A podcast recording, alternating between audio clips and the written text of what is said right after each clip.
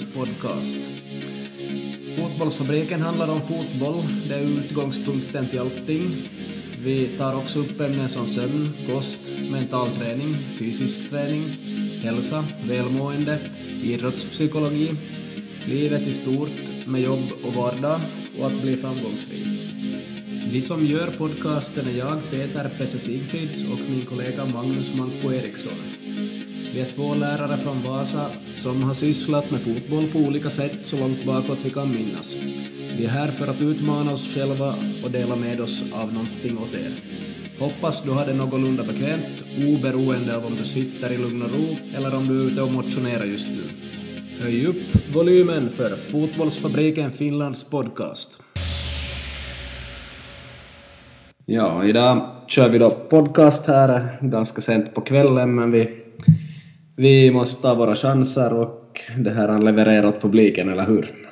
Ja, så är det ju. Vi har ju faktiskt, nu har jag igen fått en efterfrågan av en person i publiken på Damian Futsal-turneringen som undrar när kommer nästa podd. Så ja, ja. vi levererar. Okej, okay, ja. Ingen har frågat mig vad jag minns faktiskt den här gången. Men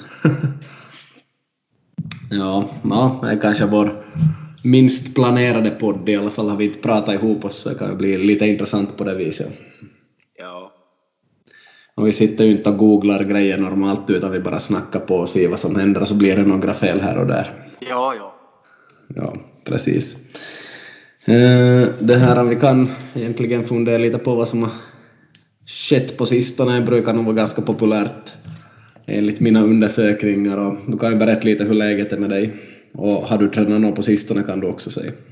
Ja, nej, det är nog ungefär läget är nog riktigt bra tack och, och det där gällande träna sig så står jag nog kvar på de här två länkarna under hösten men sen blev det också två, två matcher i futsalturneringen äh, i helgen. Ja, ja, okej. Okay. På söndag eller? Äh, det var klockan sex på lördag och sen klockan tolv på söndag. Ja, ja, okej. Okay. Ja. No, vi ska komma in på det där futsal om en stund säkert här. Uh, själv blev jag förkyld förra onsdagen. Jag hade varit på gymmet på lunchen och så skulle jag köra ganska långt. Och så, ja, jag vet inte. Snabbt i duschen, lite vått hår kanske ännu ut i halvkall bil och kör iväg och sen fick jag lite ont i halsen och så vidare. Så det var lite jobbigt. Hade kanske fem dagar förkylning.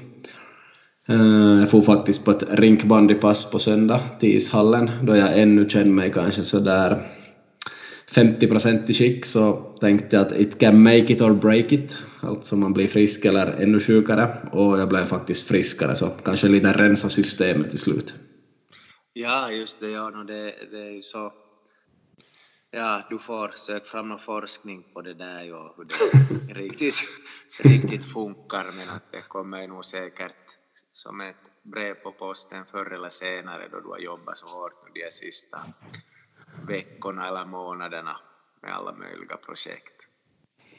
Mm, ja, no, någon sorts förkylning var det som jag hade ganska slutkörd hela kroppen och människan nu så jag kan nog förstå att jag, att jag lätt drabbades med, har ju sovit mindre än jag borde också här på sistone. Så ja, sånt händer men ska man någon gång säga att det var en läglig förkylning så var det ju nog den här gången för jag hade någonting viktigt jag behövde få gjort på fritiden i alla fall. Nej.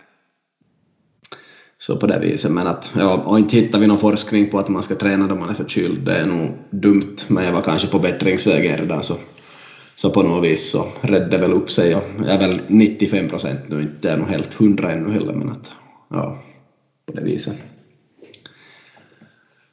Ja, jag ähm, har det ganska lugnt eftersom jag inte behöver sitta och jobba med en massa powerpointar och förbereda en massa grejer hit och dit utan det är mer att reflektera sånt som har varit och och egentligen inte se allt för mycket framåt ännu heller. Jag försöker ha det lite chill den här veckan faktiskt. Och det är ju självständighetsdag på, på, på fredag så då är det ledig dag så det blir en lång helg här med tre dagar ledigt. Ja, det är ju det där kommer, kommer bra här inför inför den här sista julstressen en extra, extra ledig dag. Mm, ja, precis. Uh, jag känner ingen julstress just nu. Okej, okay, det är jobb och det är allt möjligt som är som vanligt, men man har haft det jättehårt och nu är allt som normalt så det här normala känns så otroligt lätt så det är faktiskt ganska häftigt. Ja, det är lite som att du har, har det där, äh, vad är det som det kallas, över äh, det där, äh, vad heter det, du har kört sån där hårt, hårt pass och så det där när det här nivån höjts då så att då känns det här vanliga inte så tufft. Mm, ja, men så är det väl. Och att äh, börja vara ledig på jullovet sen så kan ju bli, det kan bli så låg stressnivå som man får något fel. Man börjar klättra på väggarna om man inte tränar åtminstone. Det tror jag så. Det gäller nog att hålla igång på, på jullovet sen.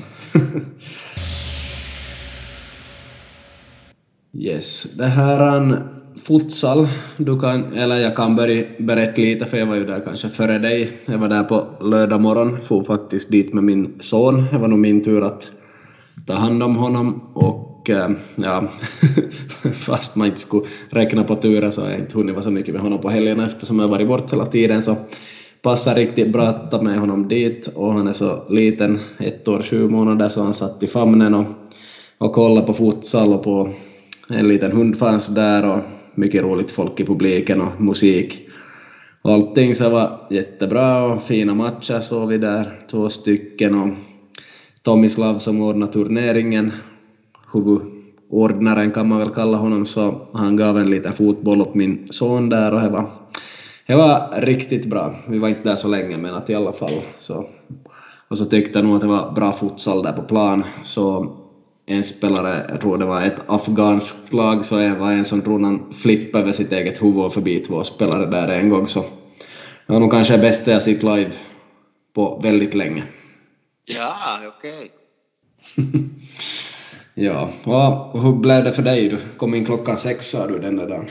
Ja, vi var en match med, med flickorna var vi där på bänken och, och lite kände på, på det här stämningen och sen, sen får vi, får vi till läktaren och tog lite mockarutor och tripp och sen det där så, så följde jag hem flickorna och så kom frun från jobbet och så får jag spela den här sista matchen mot, och då hade vi mot de här som sen vann. Den här turneringen och då hade vi också några stöttespelare som var på den här Kai-konserten så att, så att vi var lite så där underbemannade men att vi gjorde en riktigt bra, bra insats nu och skulle, skulle kunna kontra in och vunnit matchen faktiskt. Det där, men att det blev en 2-0 förlust den här gången. Och, och, som kuriosa kan, kan nämnas att, att jag satt, satt där i Kauppis och, och taggade för matchen och målvakten eh, som, som inte pratar så bra svenska så han, han började visa att, ja, det är dags att fara nu och, och värma upp och jag bara visade honom att, jo, att jag far ner direkt härifrån läktaren och så får han nu iväg och sen, sen visade det sig då att matchen var i rollacenter så att jag kom sen då det var spelat en 30 sekunder och utan uppvärmning och in på plats. Ja, det var nu sådär. ja, no, det var ju faktiskt matcher på två ställen så det kan ju lätt ske misstag om man inte är så observant. Ja. Precis. Du spelar för FC Damjan då säkert? Och, ja, ja ja, hur gick det för ert lag? Vad blev det för vinster och förluster och kryss? Uh, ja, jag föll nog med där på den där live-servicen. Jag tror att vi kryssade en och sen, sen förlorade vi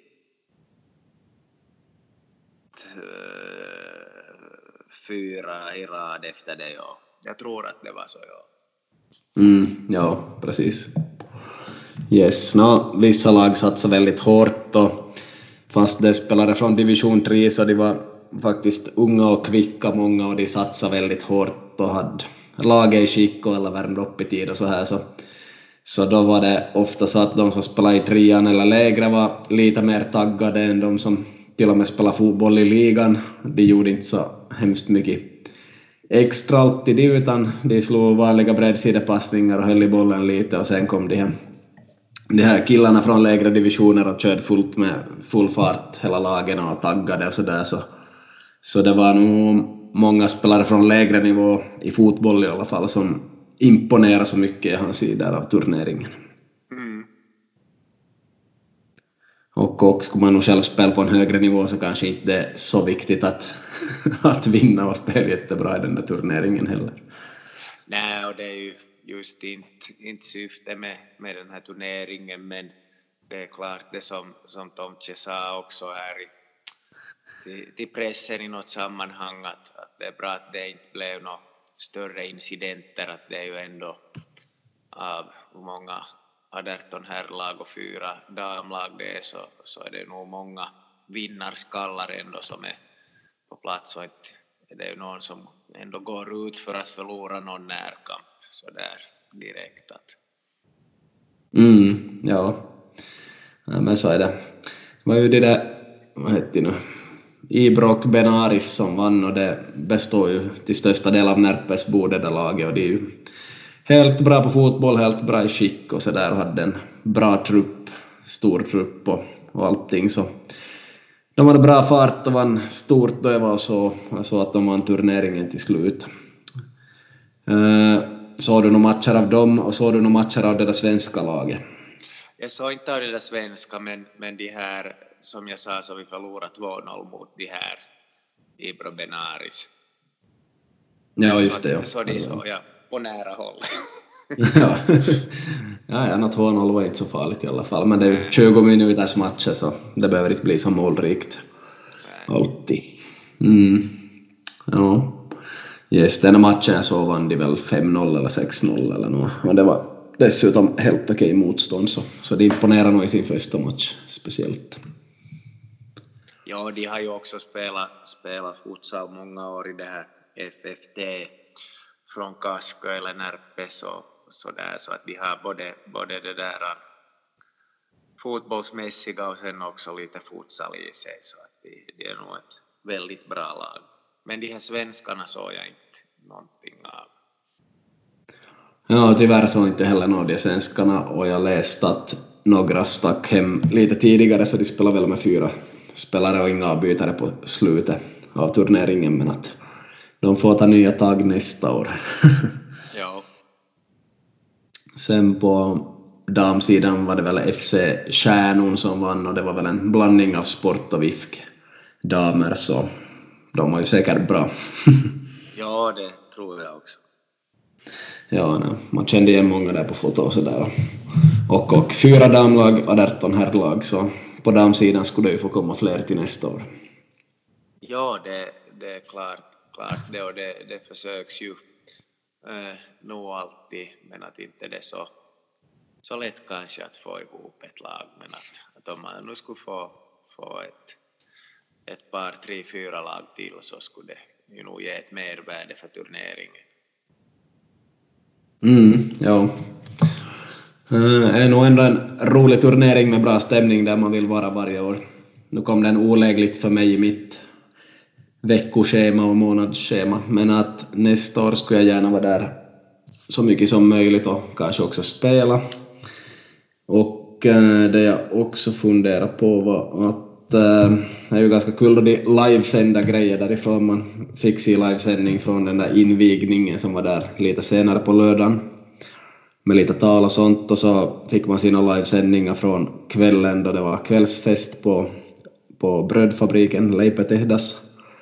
Och eh, där spelade vi ett ganska bra band också så det verkar nog ha varit toppen filis där också i stan på krogen så de verkar nog ha haft riktigt bra dag de som har deltagit. Ja, det tror jag nog. Det, det är ju väldigt roligt att man träffar, träffar sådana här gamla, gamla och nya kaverin och, och sådana här profiler som, som sitter där i, i publiken. Det var, det var en, en Nico Blomqvist som ville gärna bli omnämnd i podden att han var där. Så nu har jag gjort det, Nico. Ja, men han, han är ju gammal rutinerad räv som har gjort en del mål och spelat i Norrvalla.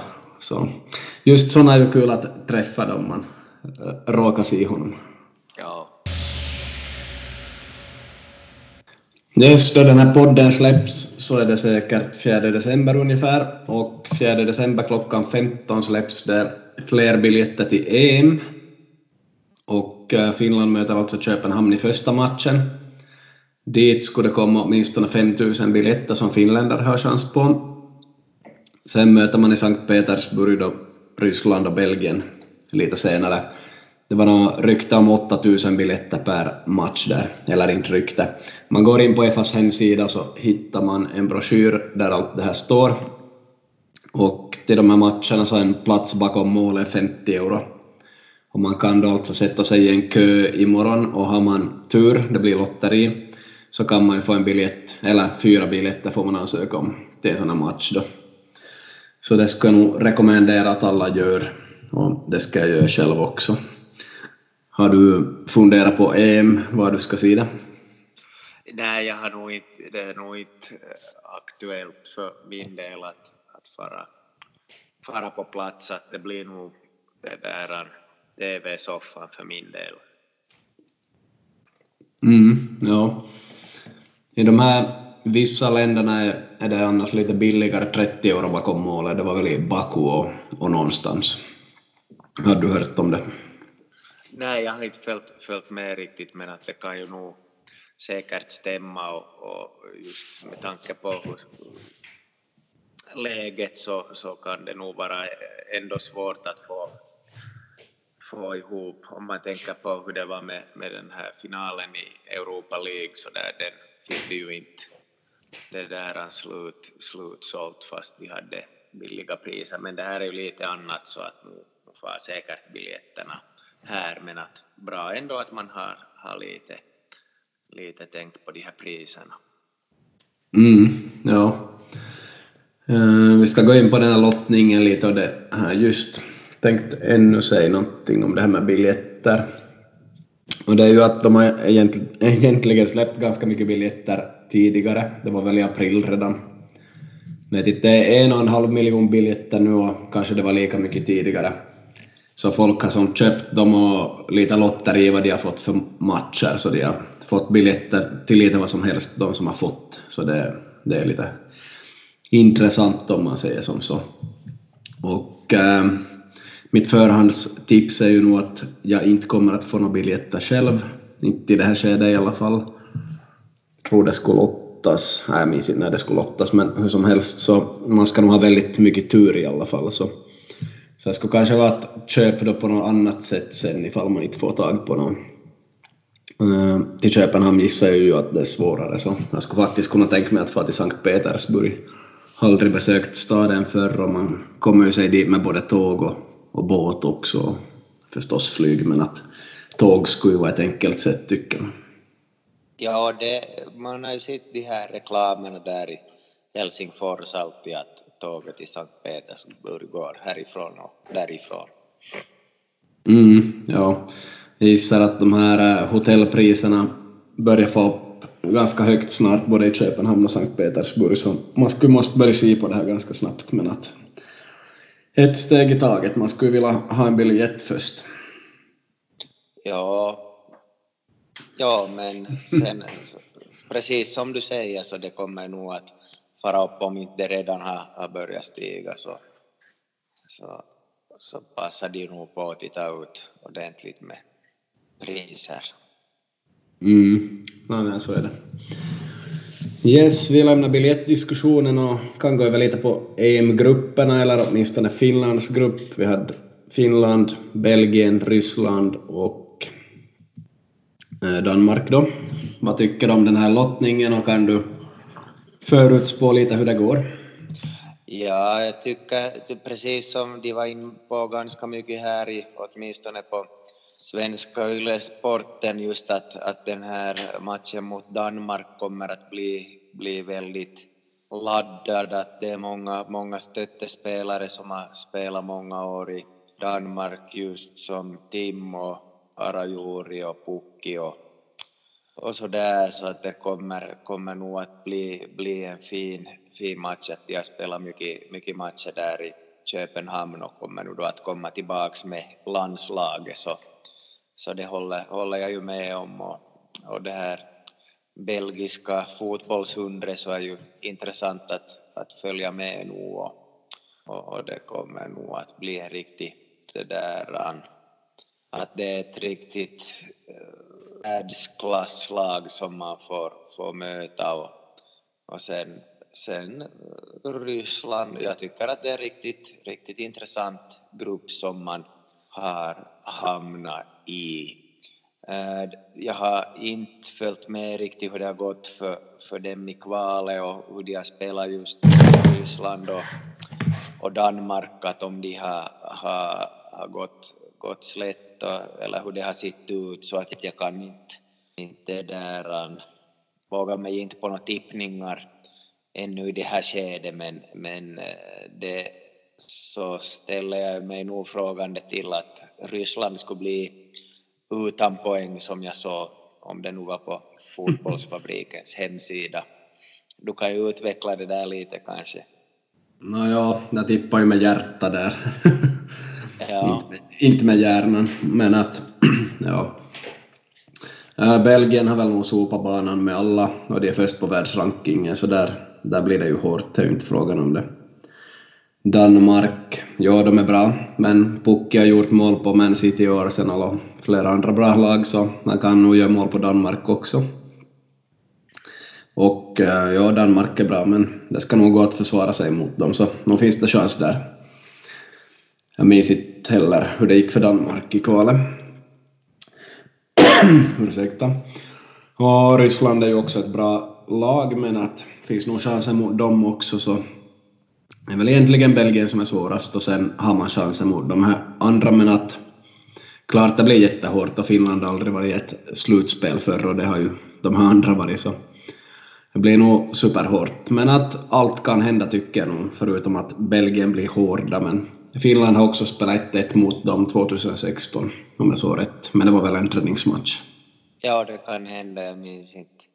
Eh, det fanns en annan grupp där man kanske skulle kunna få lite lättare motstånd och det var Hollands grupp. Eh, jag minns inte exakt vilka lag som var där, nu var det Ukraina och någon, men att det var kanske den enda gruppen som skulle varit lättare så, så på det viset fick, fick man nog ändå ganska bra för Danmark och Ryssland är inte omöjliga. Medan vi hade ju Tyskland, Frankrike och Portugal i en grupp visst. Ja. Så är ju nog dödens grupp, som det brukar kallas då, i det här skedet. Ja, det är ju nog det och det är väl så att det, det är några bästa grupptreor också som går vidare så man har väl börjat spekulera i att hur, hur, hur, resultaten ska gå för att det ska bli så att alla de här tre lagen ska gå vidare. Mm, ja. Jag slår upp tabellen här eller från kvalet, så Belgien hade faktiskt vunnit sina tio kvalmatcher allihop och Ryssland var på andra plats med 24 poäng i samma grupp, så enda förlusterna Ryssland hade så var mot Belgien. Två förluster, så ja. Belgien och Ryssland har redan varit i samma grupp, så det var ju helt intressant. Jag ska kolla upp Danmark här om en liten stund. Minns du nog vad Sverige fick för grupp? tror att de var väl åtminstone vad jag nu ögnar igenom så där jätte, jättesnabbt så, så minns jag vad de hade för grupper. Jag tror att de var nog ganska nöjda med gruppen åtminstone. Ja, jag ska plocka att, fram det just. Så där sportsligt sett så att nu tror jag att sitt vem de... Ja, Spanien fick de i alla fall som de har varit med i kvalet också. Så. Ja. Så mycket minns jag. Men om Danmark ännu så de kom andra efter Schweiz. Schweiz hade 17 poäng och sen hade Danmark 16 och Irland 13 i den där gruppen. Irland har väl ännu chans via Nations League. Eller gick de redan vidare på, som de bästa trea? Nej. Det fanns inte någon bästa trea. Nej. nej, precis, det fanns inte. Så det är via Nations League, de har någon chans där ännu. På något vänster. ja. Mm, vi ska ta en snabb titt på... Ja, Sverige hade alltså Spanien och Polen och så kom, kommer det ännu ett lag till sen. Yes, det blev en kort drickapaus här. Rösten är lite dålig efter förkylningen. Yes, men Polen, Sverige, Spanien och så ett lag till blir det. Så Sverige får ju nog det ganska hårt för Polen är ju i jättebra form, har varit här. Men att Ja, jag tycker, tycker det också. Lewandowski har ju öst in mål och, men att på något sätt så trodde de att de skulle, jag vet inte riktigt hur de har resonerat där i Sverige. Mm, ja. No, Polen hade enkel grupp, det var Österrike på andra plats och North Macedonia på tredje plats och sen var det Slovenien, Israel, Lettland så inte så svår grupp i alla fall. 25 poäng för Polen där så Nå, inte de omöjliga men de är nog helt bra. Och Spanien är såklart bra men att Sverige kryssar ju en gång i alla fall med dem. Ja. Så ser vi ännu på norska lagen så no Norge och Island har väl chans via Nations League ännu om jag minns rätt. Det kan hända det, ja. ja. Åtminstone Island så ja. Mm, ja. Så, ja, det är intressant att man har en lottning för alla lag är färdiga också. Ja, det är ju nog diskuterats hit och dit och just med att det finns så många värdnationer och de är garanterade si och så många hemmamatcher och, och så där att om det skulle ha varit så att man ännu till inte skulle kunna hamna i samma grupp som någon man har kvalat med så skulle det bli ännu mera äh, invecklat att det har nog fått kritik redan det här systemet. Men att näillä mennään. Mm, ja, nej, men det blir, det blir häftigt med EM nästa sommar. Och, eh, sommarens höjdpunkt ska det nog säkert vara. Ja. Yes, jag gjorde lite undersökning på Instagram vad folk vill höra om från mitt liv. Kanske ingenting, men eh, alternativet fanns inte så.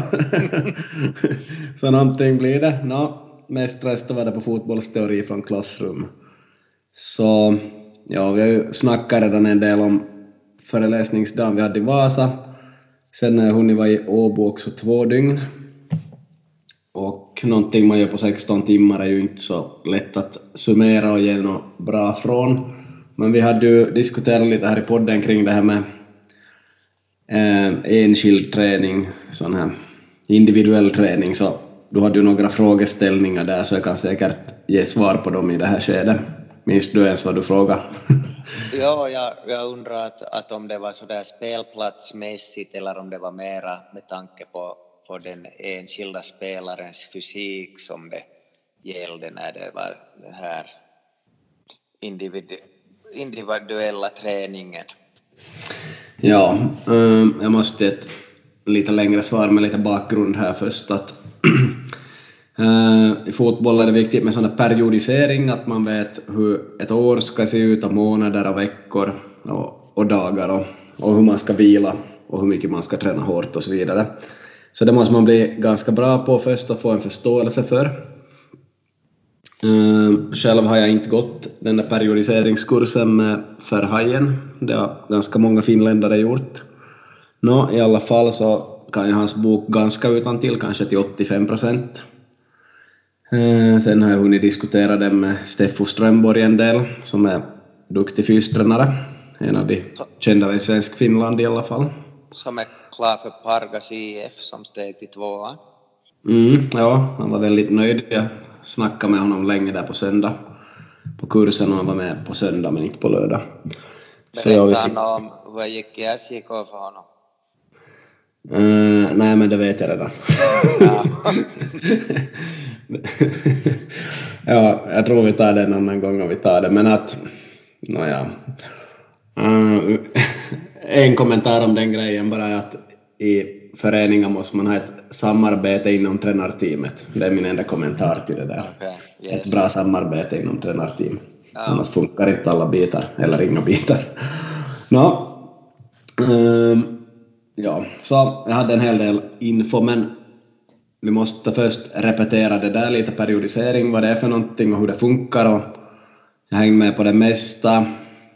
Steffo hängde inte med på allt på söndag ens, fast han är kanske svensk Finlands största expert på det här.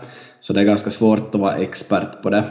Men vissa av de finskspråkiga som var med på kursen så de kunde nog, nog en hel del.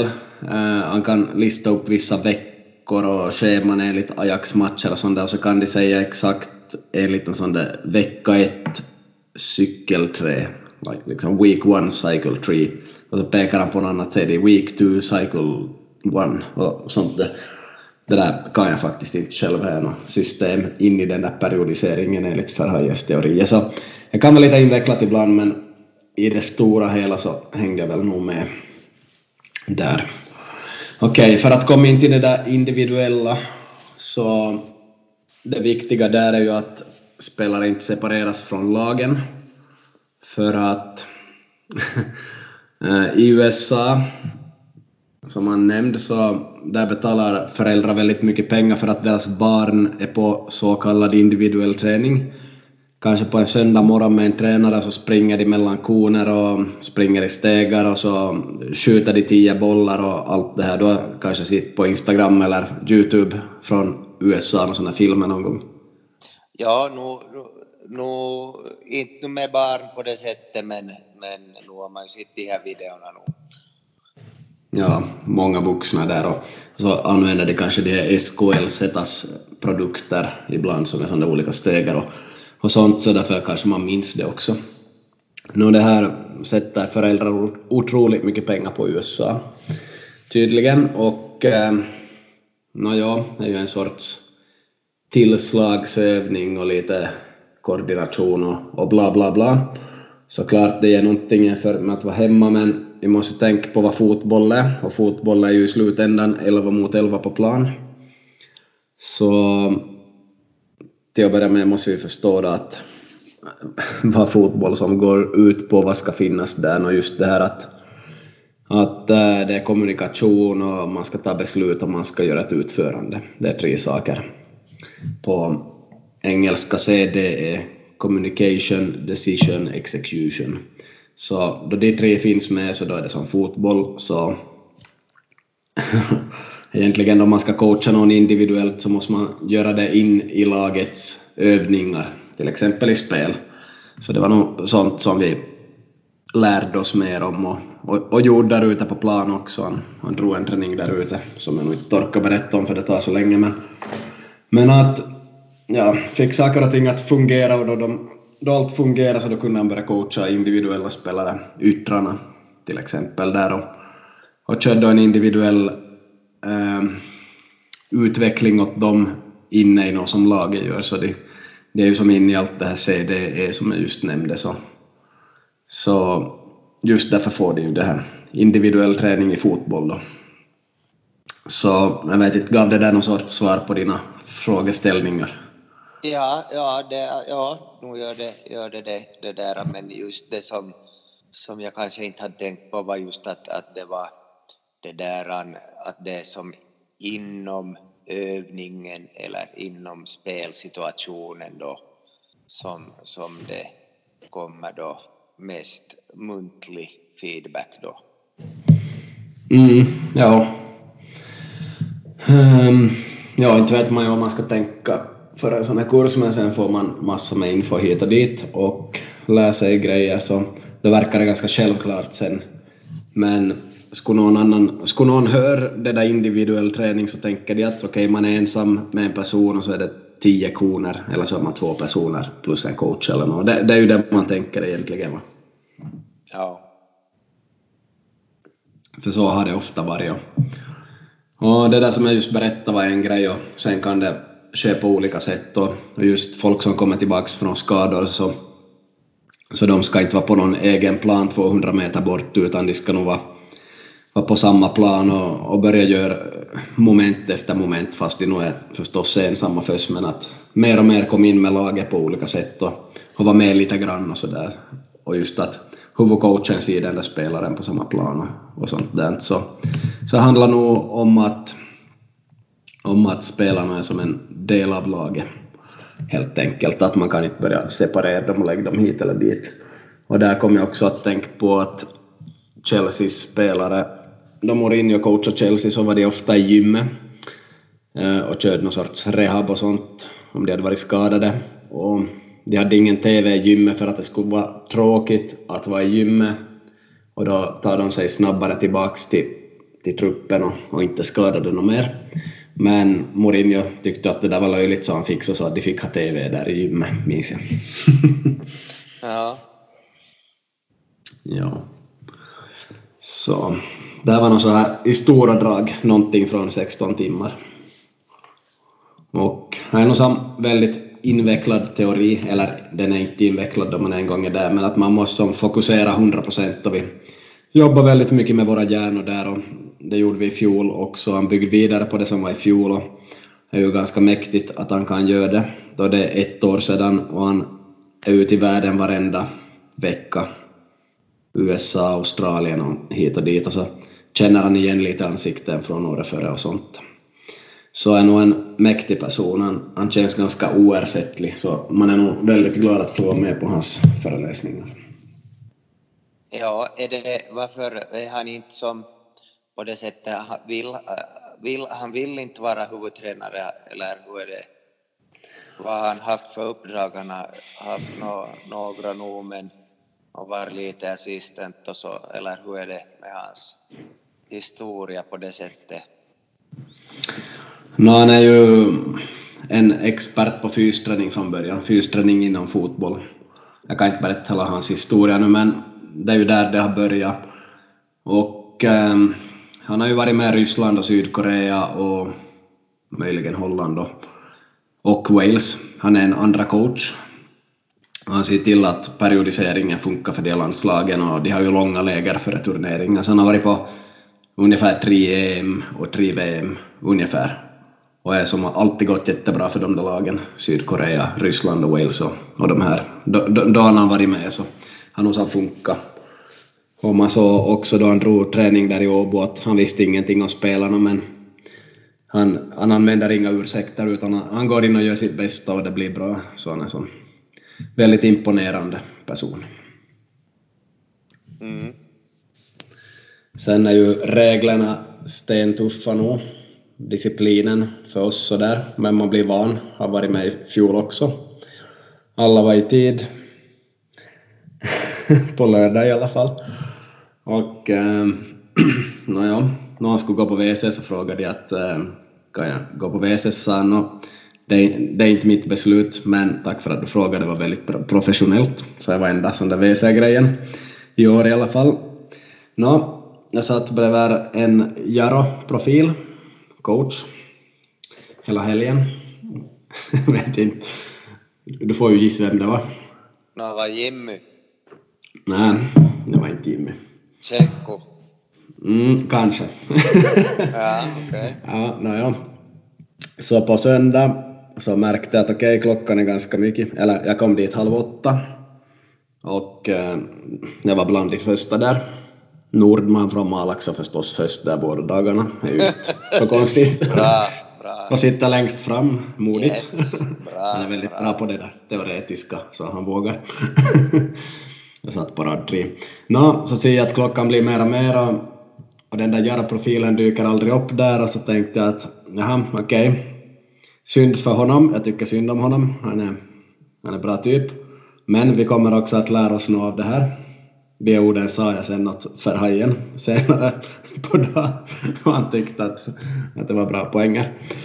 Nå, grejen var att han trodde att vi började nio och så dök han upp 20 före nio. Och äh, stod där med armarna bakom ryggen och alla som var i rummet visste att jaha, nu blir det intressant.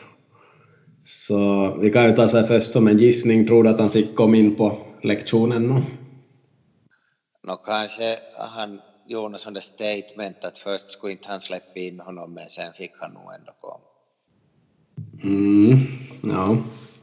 Nu har han ställt lite frågor sådär och att eh, då du märkt att du är försenad så ringde du då till den här kontaktpersonen vi har här så nej.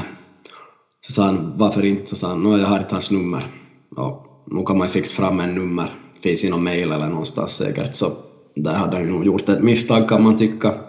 Så i och med det fick han vara cirka två timmar tills vi tog paus, så han fick sitta i kafeterian och vänta i två timmar ungefär, och sen fick han komma med då vi, då vi gick vidare, så det är nog som ändå hårda regler. Han förklarade att det här kanske är vår bästa spelare om vi skulle ha ett lag nu, men att det måste vara lika regler för alla. Så, så det var ganska väntat beslut och, och vi lärde oss någonting där. Men skulle han ha ringt och sagt så skulle han väl ha fått komma in tydligen.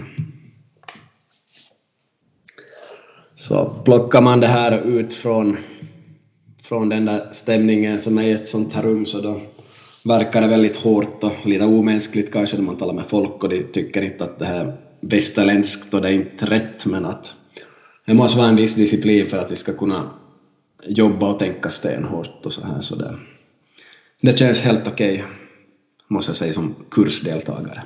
Nå, jag kan berätta något teorier och sånt här jättemycket allmänna grejer som man skriver upp på en sån här kurs också. Just sånt här att barn gör inte så mycket som man säger åt dem och sånt utan mer att de tar efter ens beteende. Har du några kommentarer kring det här? No, det är ju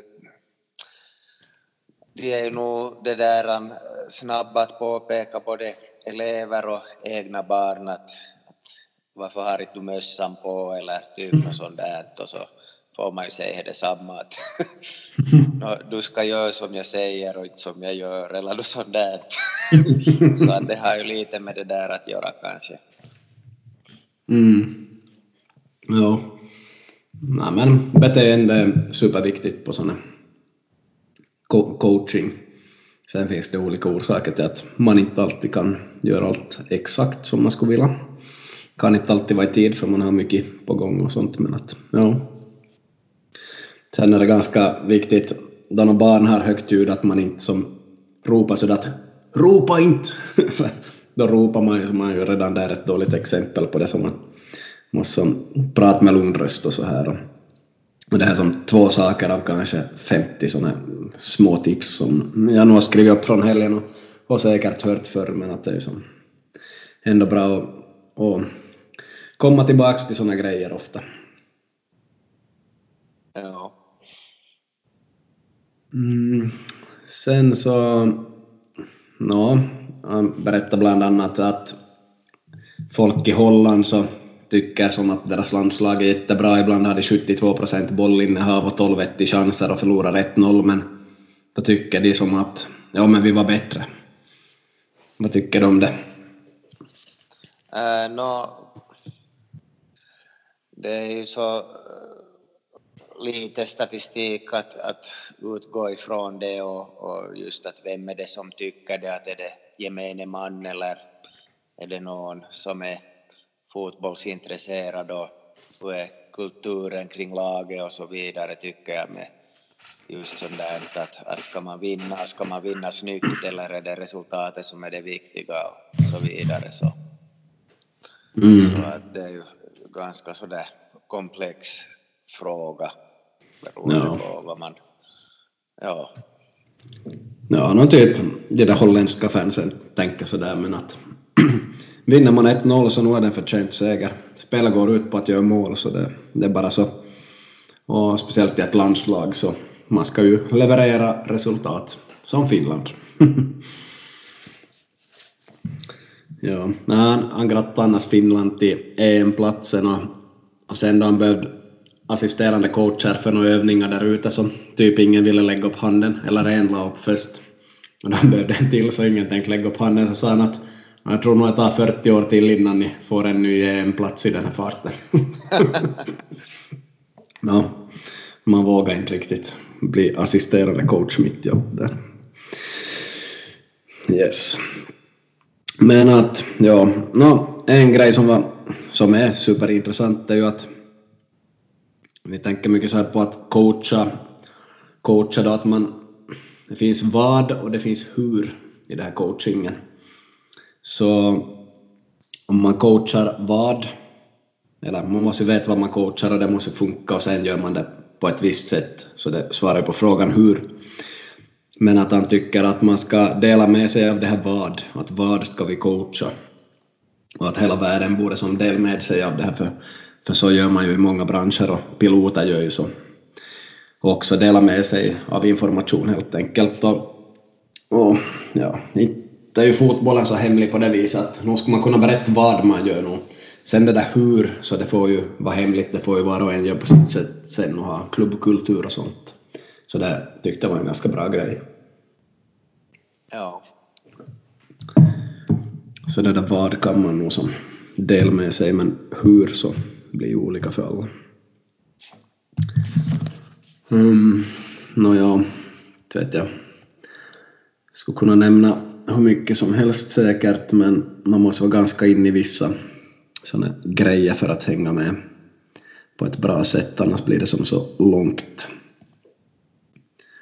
Men vi var nog in på en, en hel del analyser och det är ju ofta som filmkameran är bakom målet för att man ska se hur linjer rör sig i ett lag och så här. Och 11 mot 11 eller 7 mot 7 och så där. Och på tal om 11 mot 11 så borde man ju spela det lite oftare om man har ett satsande lag för att det är ju 11 mot 11 i matchen och gör man aldrig det på träning så, så då är det ganska stor omställning till 11 mot 11 på match. Så man borde kanske möta något annat lag i slutet av en träning ibland eller så det har några träningsmatcher mitt in i säsongen om man är lite proffsig förstås. Kanske spela 40 minuter mot ett annat lag och få testa något tema på träning också så att man inte bara har matcherna 11 mot 11 under säsongen. Så det var nog en ganska bra poäng också och någonting jag själv har tänkt på och fixa många gånger men man måste nog fixa det också. För har man 14 spelare själv och bara tänker på eget lag så har man ju inga matcher 11 mot 11 aldrig. Nej. Så på det viset. Mycket detaljer har vi sett på i, i press och ett som annat här. Och just det här om man är bra på detaljer så då kan man lätt bli en bra andra coach. Och är man bra på att coacha lagdelar och, och sånt så då är det lättare att bli en bra första coach. Men är man bra på det ena av de där två grejerna, detaljer eller det där med laget, så borde man ju ha assisterande coach som är bra på det där andra, så blir det som ganska komplett. Sen kan man ju förstås, förstås vara jättebra på båda två som tränare, men att ja, det beror ju på. Man är oftast bättre på en sak. Ja, så säkert bra att, att få, få någon som lite ifrågasätter och håller en på tårna och ser saker från olika synvinklar. Ja, precis. Det var som en viktig sak att finns det någon, någon typ inom lagledningen som är duktig men väldigt störande som du stör dig på så den personen är viktig att ha kvar. och det är just enligt det där du sa att det är bra att någon är som kritisk. Så att man hamnar att fundera på sina idéer och ifrågasätta vad man håller på med. Yes. Men att äh, många gamla spelare som har spelat på hög nivå förr så de kan ju de här detaljerna gans, ganska bra så de kan ju vara då andra coach utan problem. Där kommer man ju att tänka på en spelare som har spelat i Jaro förr. Ursäkta, äh, Jeremenko. Ja. Nej, ja, men att just är man jättebra på detaljer så kanske man skulle kunna vara andra coach då. Möjligen första coach, men man måste fundera då att vad skulle passa bäst. Såklart. Men som sagt, tusen saker finns det nog med från den där helgen. Jag håller på och reflekterar, går igenom, skriver upp igen, överför från papper till dator och, och sådär. Och kanske berätta vidare vissa grejer i framtiden på en, på en viss nivå. Det ser jag fram emot. Mm, föreläsning nästa år. Ja. ja, vi får se, vi får se hur det blir. Men att det var nog en tuff helg och, och, och för att orka med det där hela så bodde jag på spa-hotell och var på gym både fredag, lördag och, och spa också. Chillade de där få timmarna man var ledig där och, och tog det lugnt och, och tänkt på något helt annat än fotboll men ändå hann reflektera lördagens stoff före söndagen började.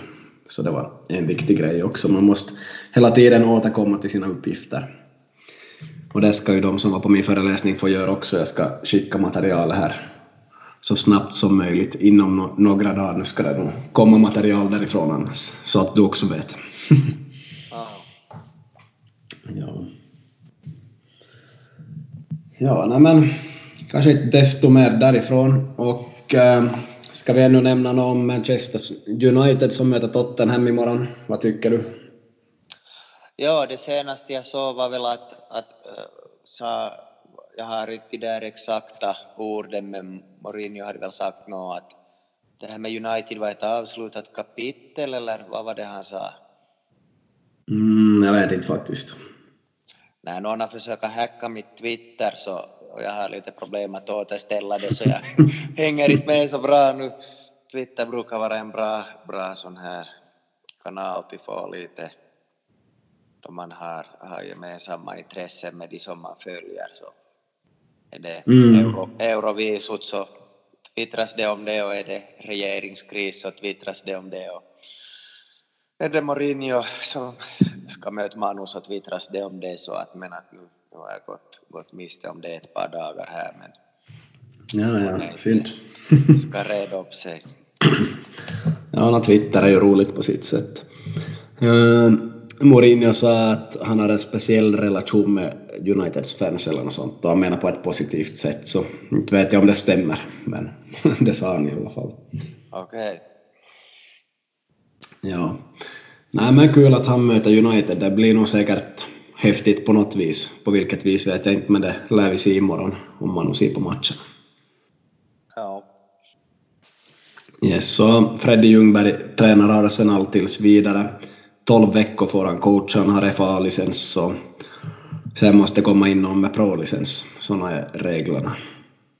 ja, just det, men om de hittar, hittar någon tidigare så, så tar, de, tar de säkert den då. Mm. Även om svenska medier ju nog har, har sagt mycket om att han nog är med i race om att få det på riktigt det här jobbet också. Ja, men det, det är tekniskt omöjligt för det, det är inte lagligt. Nej. Yes, så Zlatan ryktas vara klar för Milan men det är väl kanske 95 procent i det här skedet skulle jag gissa.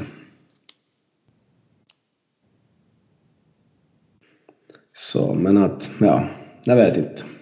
Det kanske blir helt klart typ 4 december att Zlatan är klar för Milan. Och så har han ju köpt en del av Hammarby nu då, vilket många har reagerat på men det kanske inte något vi orkar nämna så jättemycket om. Nej, nej, inte i det här skedet tror jag. Nej, men jag förstår att Malmö hellre ska sitta att han ska investera i dem. Förstås. Mm. Nå, nu fick vi ihop ett avsnitt här igen utan att ha förberett oss så jättemycket den här gången. Ja, kyllä, kyllä och så på, på återhörande nästa vecka. Mm, det hoppas vi. Vi säger tack och hej. Tack och hej. Ha det bäst.